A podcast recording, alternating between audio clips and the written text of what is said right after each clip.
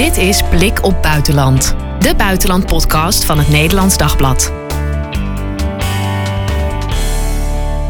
Hoi, ik ben Marien Korterink en je luistert naar eh, Blik op Buitenland. De buitenlandpodcast van het Nederlands Dagblad. We hebben het over de oorlog in Oekraïne deze week. Want het is deze week een half jaar geleden dat de Russische invasie in Oekraïne is begonnen. Is het einde al in zicht en wat brengt de winter ons eigenlijk? En in het verlengde daarvan hebben we het ook over Estland en Finland. Zij willen hun grenzen dicht doen voor Russische toeristen. Waarom willen deze landen dat en wat heeft het voor gevolgen? Ook voor ons misschien wel. En er zijn ook andere landen die overwegen om minder visa's uit te geven voor Russische toeristen. Is het slim om het zo te spelen? En het was deze week ook onafhankelijkheidsdag in Oekraïne. Afgelopen woensdag vierde het land dat het 31 jaar onafhankelijk is van Rusland. Een hoop te bespreken dus. En dat doe ik vandaag met buitenlandredacteur Ruud Ubos. Goed dat je er bent, Ruud. Hallo. De uh, onafhankelijkheid, dat is normaal reden tot feest uh, in Oekraïne. Um, hoe wordt dat normaal eigenlijk gevierd? Normaal met een militaire parade. Eigenlijk een beetje ja, zoals dat in, in Oost-Europa altijd wel gebruikelijk is. En, uh, en feest en zo. En, maar ja, dat is dit jaar toch iets anders. Ja, want... Het was wel een soort militaire parade. Want in Kiev stonden heel veel kapotgeschoten Russische tanks opgesteld. En daar kon je langslopen en daar kon je van genieten.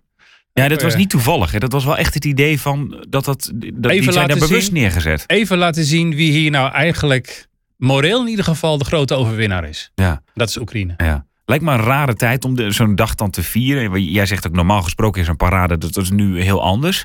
Wat is er wel gebeurd? Um, president Zelensky heeft een speech gehouden. Een vrij emotionele speech. In zijn bekende groene kloffie natuurlijk. Hè? Ja, alsof hij ja. gewoon in het leger net ja, van het hij veld doet het, is, hij doet het wel heel netjes. Want je ziet soms ook van, van bij, bij dictators die heel vaak... dan trekken ze een militair pak aan met allemaal generaalstrepen en zo. Terwijl ze er nooit een pistool hebben vastgehouden. Maar Ja, dan, ja. Het, het lijkt dan wat. Dat doet hij dus niet. Wel in een soort, soort camouflagekleding. Maar hij, en tegelijkertijd kent hij zijn plek. Hij, eh, dus hij, is, hij, is, hij, is, hij is geen militair. Eh, en hij heeft een speech gehouden. Om een toespraak goed Nederlands. En daarin heeft hij heel duidelijk gemaakt eh, dat eh, ja, 24 februari, de inval, de Russische inval, zei iedereen van ja, nou ja, dat houden ze twee, drie, vier dagen vol, de Oekraïners, misschien, misschien een week. Maar dan valt, dan valt Kiev wel en dan hebben de Russen het grootste doel bereikt en dan, eh, hè, dan kunnen ze hun invloed gewoon uitrollen. Ja, en, en, en, en terecht volgens mij heeft Zelensky gezegd van nou ja, iedereen heeft zich vergist we waren toch iets taaier dan iedereen dacht. Uh, en eigenlijk is 24 februari gewoon de, de, hergeboorte van een nieuw land. Van een nieuw zelfverzekerd land uh, dat zijn plek kent in Europa. En uh, ja, hij zei het niet, maar er klonk iets door van Russen, kom maar op. Ja, het, het klinkt, ja, dat hoort natuurlijk op zo'n dag. Kan je natuurlijk ook niet zeggen van het gaat eigenlijk heel slecht met het land. Nee. Want, want hij brengt het natuurlijk zo van, ja, het heeft ons eigenlijk heel veel gebracht. Maar ja. Ja, het is natuurlijk ook gewoon verschrikkelijk verdrietig en pijnlijk. En er is heel veel kapot geschoten. Ja, uh, duizenden doden. Uh, ik zag nog foto's van, van allerlei van mannen van, van, van 30 jaar. Zeg maar in de kracht van hun leven op een kruk lopen met, een, uh, met, met kunstbenen.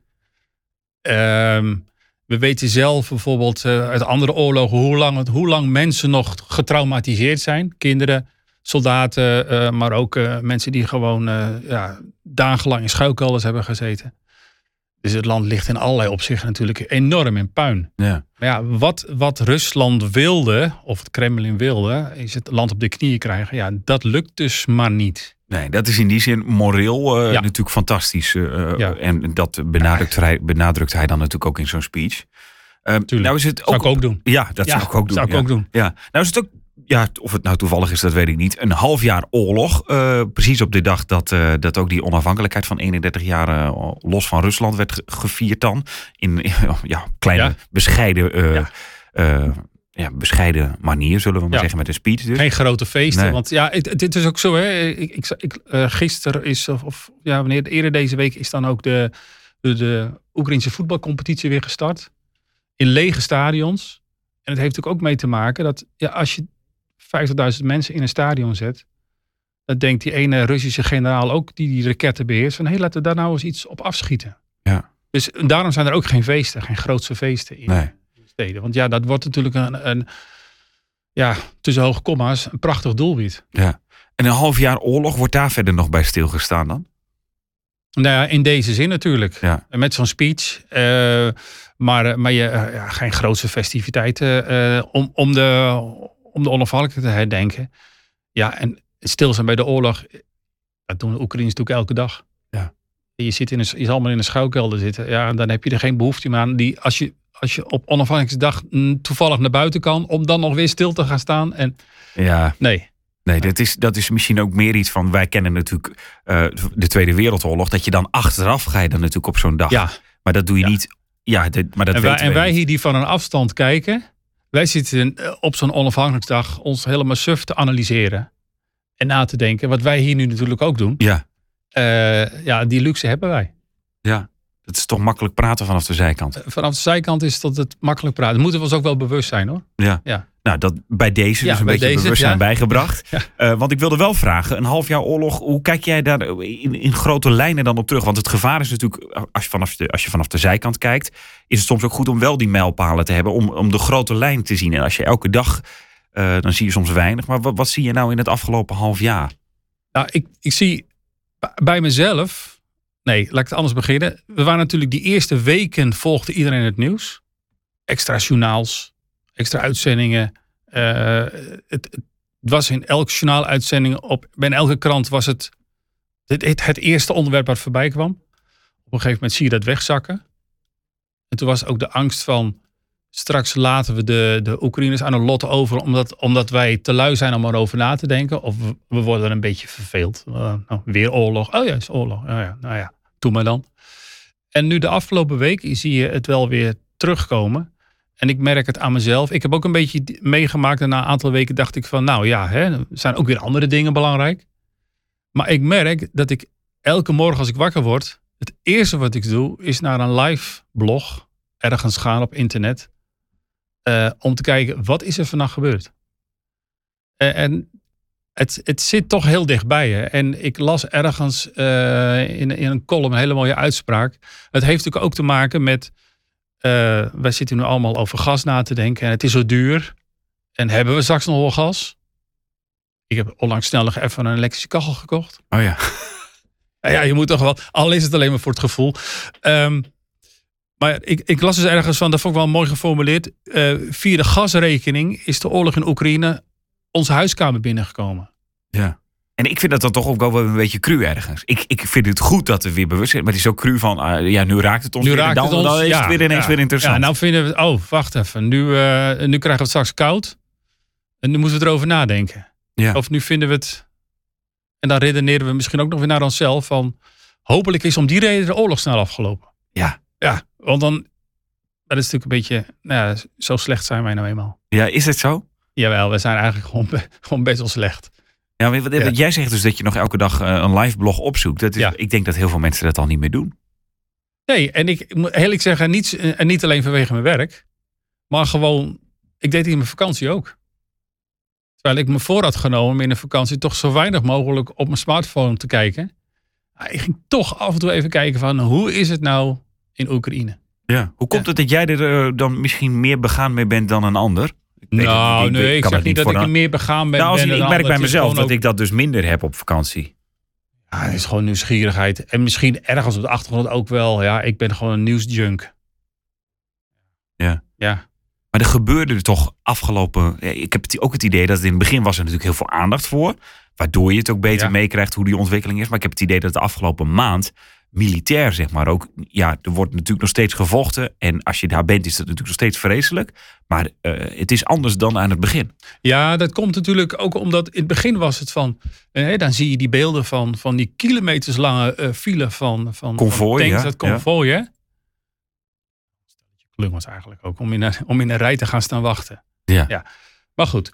Eh, en denk je van, nou, wat, wat gaan ze dan doen? Hè? Gaan ze naar Kiev binnenvallen en, en, dat andere front? En je zag op een gegeven moment beelden die eerste dagen... dat Russische commando's, die hadden een vliegveld bezet vlak bij Kiev. Maar die werden door Oekraïnse commando's die weer afge, afgeslagen.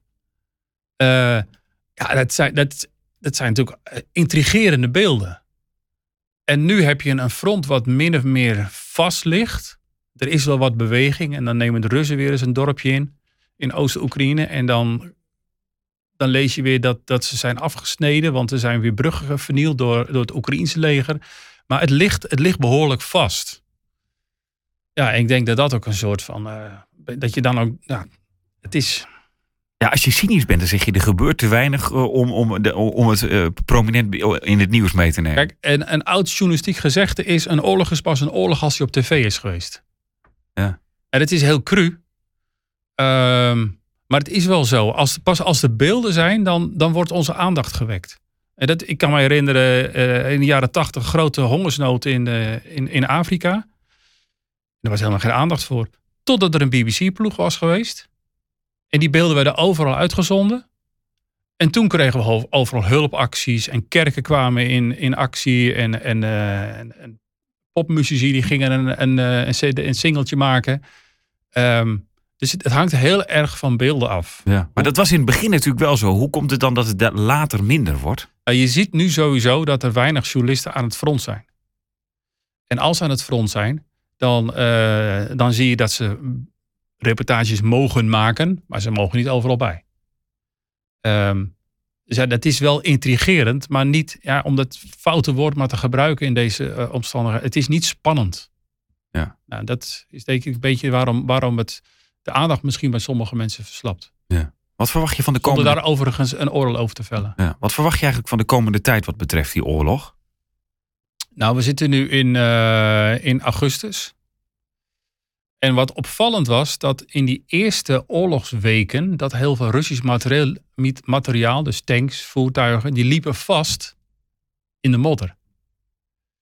Um, dus het ligt voor de hand maar ik ben geen generaal en geen militair stratege. Maar het ligt voor de hand dat de Russen voordat het, het najaar begint, laten we zeggen oktober, november, dus de natte, de natte periode, um, dat ze nog ruimte, nog grondgebied zullen willen uh, inpikken, innemen.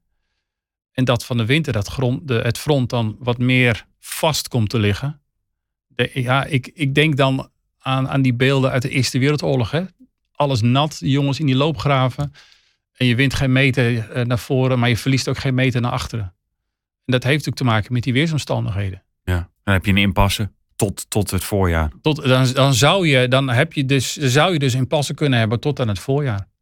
Wat misschien ook wel de mogelijkheid, mogelijkheid biedt voor vredesonderhandelingen. Ja. Voor diplomatiek. Terwijl de winter in die zin ook interessant is. Want jij zei net al eventjes, hè, het raakt ons nu weer omdat het gaat over het gas bijvoorbeeld. Dat wordt in de winter in die zin natuurlijk urgenter waarschijnlijk. Ja, dus uh, kijk. Um, de, de, de Oekraïners die zorgen ervoor dat ze overeind blijven staan. Die hebben natuurlijk, nou, zo te zeggen, bovenmenselijke prestaties geleverd de afgelopen maanden. Met hulp van uh, Europese was, wapens, Amerikaanse ja, maar, wapens. Maar, maar dus wel met hulp van met westerse steun. Met wapens, et cetera. En morele steun en noem maar op. Uh, en dat wordt natuurlijk tricky. Houden wij die steun overeind? Als straks blijkt in de winter dat uh, de Volkswagenfabrieken drie weken dicht moeten.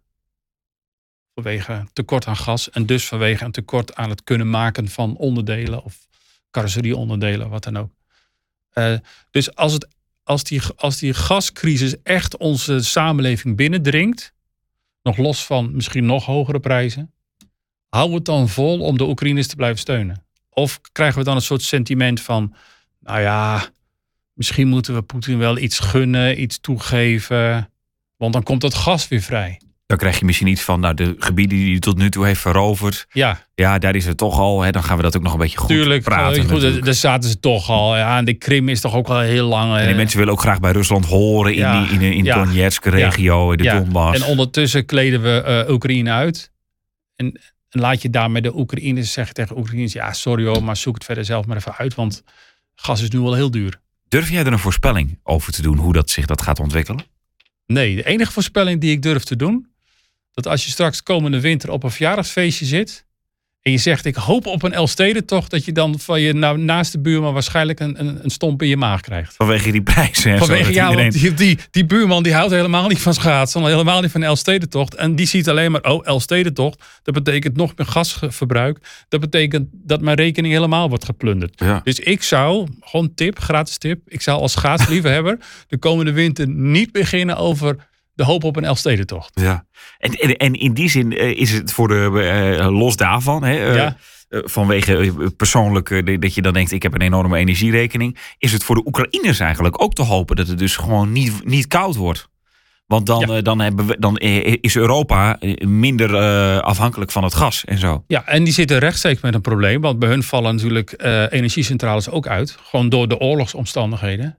Ehm, en wat krijg je dan? Dat de Oekraïners straks met Brussel bellen. Het hoofdkwartier van de Europese Unie. En zeggen, "He- hebben jullie nog gas voor ons?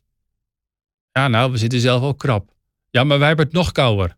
Ja, dan krijg je dus van, hoe ver ga je dan in je steun aan Oekraïne? Ja. Nou, dat wordt eigenlijk een soort lakmoesproef komende winter. Ik ben heel benieuwd hoe, of we daar dan. Want je zag aan het begin van de oorlog ook was het moeilijk om eh, als heel Europa dan samen iets te vinden. Want Ja. de een is ook weer meer afhankelijk van het gas, et cetera. Of dat dan wel gaat lukken. Het is wel heel belangrijk dat we, dat we komende winter de, eh, onze benen, ons, onze poot stijf houden. Om de simpele reden dat slagen we er de komende winter in om zonder al dat Russisch gas, om die winter redelijk fatsoenlijk door te komen. Dan weet Poetin dat hij dat gaswapen dus kwijt is. Want die weet hij, nou ja, dan in de winter 23, 24, dan hoef ik dat niet opnieuw te proberen. Want kennelijk, kennelijk komen die Europeanen er doorheen zonder mijn gas. Of met minder gas, of net even eh, kijken hoe je dat formuleert. Dus houden we vol, slaan we eh, Poetin wel een wapen uit handen.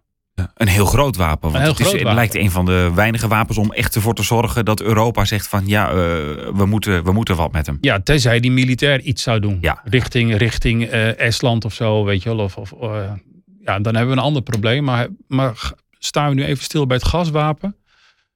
Komende winter is lastig, maar het wordt ook een, een, een, een manier of een, eh, een mogelijkheid om Poetin het gaswapen uit handen te slaan. Komende winter de grote test voor Europa. Ja, misschien wel. Nou, nou noemde jij net Estland. Die waren deze week ook in het nieuws. eh, Ja. Samen met Finland. Ze willen de grenzen sluiten voor Russische toeristen. Eh, even om dat hele plaatje te schetsen. Waarom willen ze dat? Ehm, de formele reden is van, dat ze zeggen van, ja, wacht even. Eh, die Russen die, die houden daar huizen in, eh, in Oekraïne. En eh, die schieten allerlei gewone burgers neer. En dan komen gewone Russische burgers hier vakantie vieren. Ja, dat gaan we dus niet doen. Ehm, en er komt ook bij, maar er komt ook bij dat die, dat die, die Oost-Europese staten, Estland, Letland, Polen en zo, die hebben zo'n bloedhekel aan Russen dat die alleen al om die reden de Russen de toegang, toegang willen ontzeggen. En de derde reden is dat eh, het, het vliegverkeer, het rechtstreekse vliegverkeer met Moskou bijvoorbeeld, ligt stil. Dus een Rus kan niet daar op het, vliegveld, op het vliegtuig stappen en zeggen... Nou, Naar Helsinki. Nee, of naar Rome. Ik wil Ja, naar Rome. Dus wat doen heel veel Russen? Die rijden met de auto naar Finland, naar Helsinki. En daar stappen ze op het vliegtuig naar Rome. Of naar Lissabon, of naar Cyprus, of naar Malta. Ehm, dus die Oost-Europese staten hebben zoiets als wij nou de grenzen sluiten. Dan hebben die Russen echt een probleem. Nou, dat is eigenlijk de achterliggende gedachte. En de vraag is van... eh, nou, Want er zijn ook heel veel Europese landen die vinden het helemaal geen, geen goede oplossing. Want moet je de gewone Rus straffen voor wat Poetin en zijn kliek doen? Ja, dat lijkt me een lastige discussie. Want ergens denk je inderdaad van... het is Poetin zijn oorlog. Aan de andere Ja. kant, er zijn ook vast mensen die nog pro-Poetin zijn... die ook op vakantie en willen. als je, ziet, als je ziet welke Russen er nou naar Europa komen, dat, zijn, dat is vaak de, de, het welvarende deel, zeg maar de elite, dat, niet, dat niet vecht, blijkbaar ook. dat niet vecht. En, en weten we, waar zitten de meeste aanhangers van, eh, Russische aanhangers van Poetin? In dit welvarende deel, in die elite.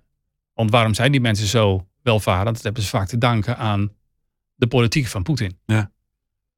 Eh, en tegelijkertijd zeggen, zeggen andere mensen van ja, nee, je moet, je moet dat niet doen. Want een van de Europese waarden is dat, je, dat, we, dat mensen vrijheid hebben om te reizen en te gaan en staan waar ze willen. Ja. Dus dan moeten wij als Europa zeggen tegen mensen van ja, dat is wel een van onze waarden, maar die telt even niet voor jullie. Ja. Dus het is ook lastig. En je zou ook nog kunnen betogen dat mensen, als ze allemaal Rusland uitgaan, dat het op een bepaalde manier ook goed nieuws is. Omdat dan eh, de, nou, de mensen die bijvoorbeeld, eh, of ze nou pro-Poetin zijn of eh, anti-Poetin, dat als ze in het land zijn, dan kan Poetin daarmee, dat is ook een soort drukmiddel, zeg maar. dus ze, ze zijn ook verlost van het juk Poetin. Op Ja, maar ja, het is vakantie, dus ze gaan ook weer terug. Ja, dat gebeurt altijd wel. Ja, dat gebeurt, ja, dat gebeurt wel. Want eh, anders kun je bijvoorbeeld een, een, een, eh, een, een visum aanvragen voor als, eh, nou, als dat je hier wil werken of zo. En, en daar zitten vaak ook wel dissidenten tussen. Ja, ja, op die manier het land willen Ja, verlaten. er zijn dus echt wel de vakantiegangers die ook van plan Er zijn zijn weer over het terug gaan. algemeen wel echte vakantiegangers ook weer teruggaan. Nou ja, een van de redenen ook waarom sommigen zeggen je moet die grens sluiten, is dat in 2019 is een Georgiër in Berlijn neergeschoten door een Russische geheimagent die Duitsland binnen was gekomen op een toeristenvisum. Ah ja, ja. Of in ieder geval zich als toerist hier ophield. Dus er zijn ook mensen die zeggen van, eh, onder andere uh, Sjoerd Sjoersma van D66, die zegt van nou ja, misschien komen er nog geheime agenten binnen op een toeristenvisum. Dus ook om die reden moeten we het toeristenvisum voor Russen maar eens heel goed tegen het licht houden. Ja, want los van hè, dat, dat Estland en eh, Finland dan willen dat überhaupt mensen daar niet meer eh, naartoe mogen, de grenzen dichtgaan, eh, overwegen verschillende landen om die visa's ja, daarmee te stoppen voor de Russen. Ehm, is, is dat slim? Ja, vanwege spionnen zou dat slim zijn. Maar En omdat je het gewoon die mensen niet gunt om hier in vrijheid rond te lopen, terwijl hun eigen soldaten eh 1500 kilometer verderop eh, keurig nette burgers en soldaten van een soeverein land neerknallen. ja. Zit, dat, ik snap die spanning wel. Ja. Ja. Nou, ik snap die kant, maar ik snap ook de kant van een student die denkt: ik wil helemaal niks met die oorlog te maken Ja. hebben. En ik wil graag eh, gewoon eh, in het Westen wonen, bij Ja. wijze van spreken. Ja, ja, of ik wil daar gewoon vakantie houden. Nou, Ja. dat kan ook. Ja. Ik wil gewoon, ik heb ooit op een, op een, bij een universitaire uitwisseling studenten leren kennen. Dat zijn mijn vrienden geworden. En die wil ik nu gewoon opzoeken in Rotterdam of weet ik veel waar. Ja. Ehm, de vraag is: gaat het Finland en Estland lukken om zo'n verbod eh, ja, bij, de, bij die grensovergang eh, te realiseren als de rest van Europa zegt: ja, moeten we dat nou wel doen? Nou, in principe mogen ze. eh, kijk, we zijn natuurlijk lid van de Europese Unie en ze zijn er vaak ook lid van, van de Schengenzone. Dat gebied waar je, waartussen je vrij mag reizen, de Europese landen. En de afspraak is dat je dat gemeenschappelijk regelt. Dus dat je zegt van of, of in alle landen mag je er niet meer in, of je mag in alle landen er wel in. Ja, dat neemt niet weg. Dat hebben we bij COVID ook gezien. Toen gingen ook heel veel grenzen dicht. Dus Ja. er zijn altijd wel achterdeurtjes om je grens bijvoorbeeld tijdelijk te sluiten. Nou, tijdelijk kun je zeggen tijdens het toeristenseizoen. Ja, ja precies. Ja, dat deze is al, deze zomervakantie. maar dat is nu alweer bijna voorbij. Dus eigenlijk is het alweer te laat dan. Ja, dan, is- ja dus, dan, dus dan zou je, nou, volgende week, het is het 31 augustus, dan komen, komen Europese landen bijeen. En dat gaan ze het hier ook over hebben. Misschien dat ze dan zeggen van, nou ja, we doen dat dan eh, per, eh, per 1 december. Dan kunnen heel veel Ruzie, Russen hier geen eh, wintersportvakantie meer houden, ik noem maar wat. ja, ja Of zoiets. Maar ik vraag me af of Nederland, Duitsland daarmee akkoord gaan hoor. Ik, Omdat? Nou ja, die, die, die zeggen van je moet je, je Europese ehm, eh, norm is vrijheid van reizen. Dus doe dat dan ook maar. Eh, en er zijn ook wel genoeg mogelijkheden voor bijvoorbeeld dissidenten. Genoeg mogelijk, er zijn mogelijkheden om hier alsnog wel sneaky naartoe te komen. Ja. Dus En, en het, maar het lastige is ook wel weer, kunnen wij tegen Finland en Estland zeggen van doe die grenzen maar niet dicht. Terwijl ja, wij hebben makkelijk praten, Ja. want bij ons komen ze niet, natuurlijk Ja. niet de grens Ja. over. Misschien is het meest effectieve wat ze in Finland doen. In Finland er schijnen heel veel Russen die komen, of er komen heel veel Russen naar Finland. Daar zijn eh, watervallen en zo. En bij die watervallen, die zijn op een bepaalde plek zeg maar, geconcentreerd, mooi natuurgebied. En als je het natuurgebied binnen gaat, dan staat daar een koor en die zingen het Oekraïense volkslied. Is dat zo? Ja, als die Russen, de- als het zeg maar een, een bus aankomt met Russische toeristen, Is dat echt? Gebeurt ja. dat echt? ja, dan zingen ze het Russische volkslied. Waarom? Nou ja, om. eh, sorry, het, sorry, het Oekraïense Oekraïnse volk. volkslied. Ja. Om die Russen dus kennelijk, kennelijk oh, even kenbaar te maken van, nou ja, het is allemaal heel leuk dat jullie hier zijn. Maar dit vinden wij. Maar dit vinden wij het belangrijkste. Oekra- de vrijheid van Oekraïne. En gaat dat goed? Ja, voor ik zou toch bang zijn bijna als ik in dat koor zit.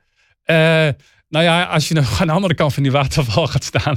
Nee, dat gaat op zich, eh, op zich gaat het goed. Eh, ik heb daar verschillende reportages in internationale media over gelezen.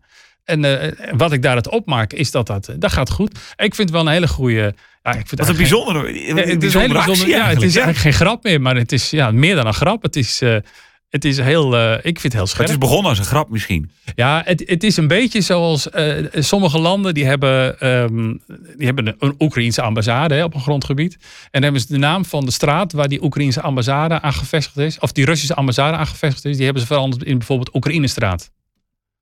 Oh ja. Eh. Of, eh, of eh, Oekraïnse soevereiniteitsstraat, straat, dat soort dingen. Nou, dat, dat- ja, dus dan moet hij die Russen op hun post elke keer zeggen, nou, de Russische ambassadeur die zegt, als u mij nou een brief stuurt, moet u het even sturen naar de Vrije Oekraïne-straat. Oh ja, ja. echt, het, een zijn, beetje- het zijn pesterijtjes, maar he- hebben dat soort pesterijtjes zin? Eh, nou, nee, het is, ja, je, het is, het is- je moet wat misschien. En eh, Rusland doet precies hetzelfde, dan weer in, in, in hun eigen land. Dus dan, Het is hetzelfde met dat hier Ja. Oekraïnse vlaggen worden opgehangen op Ja. een bepaalde manier. Ja. Als in wij hebben natuurlijk niet zo'n Ja. grensovergang. maar goed, op een gegeven moment wil je wat misschien. Maar ik vind dat eh, het zingen van het Oekraïense volkslied... als er een bus met Russische toeristen aankomt... vind ik wel een, eh, ja, die vind ik wel trefzeker. Ja, het is ook een soort van. ik- Je kan er een beetje met een knipoog om lachen in, in, in tijden van oorlog. En het is ook toch ook een beetje wel weer een serieuze boodschap. Dus Ja. eigenlijk zit alles erin. Alle, het zit van alles in. Ja, en als je het er als Rus niet wil horen, dan ga je gewoon ga je in de niet. bus zitten. Ja. Vraag Ja, de chauffeur, is hij terug? Hé, Arie, rij je weer terug? Ja, ja. De precies. buschauffeurs heten volgens mij ook altijd Arie. Tenminste, bij mijn schoolreisjes heten ze altijd Arie. Ja, maar in Rusland heten ze geen Ari, denk ik. Nee, nee. Dankjewel, Ruud, voor deze week. Dit was eh, Blik op Buitenland. Heb je een vraag of wil je reageren? Dat kan via podcast.nd.nl. En ben je enthousiast over deze podcast? Laat dan een review of een recensie achter. Dat maakt het voor anderen weer makkelijker om ons te vinden. Tot volgende week.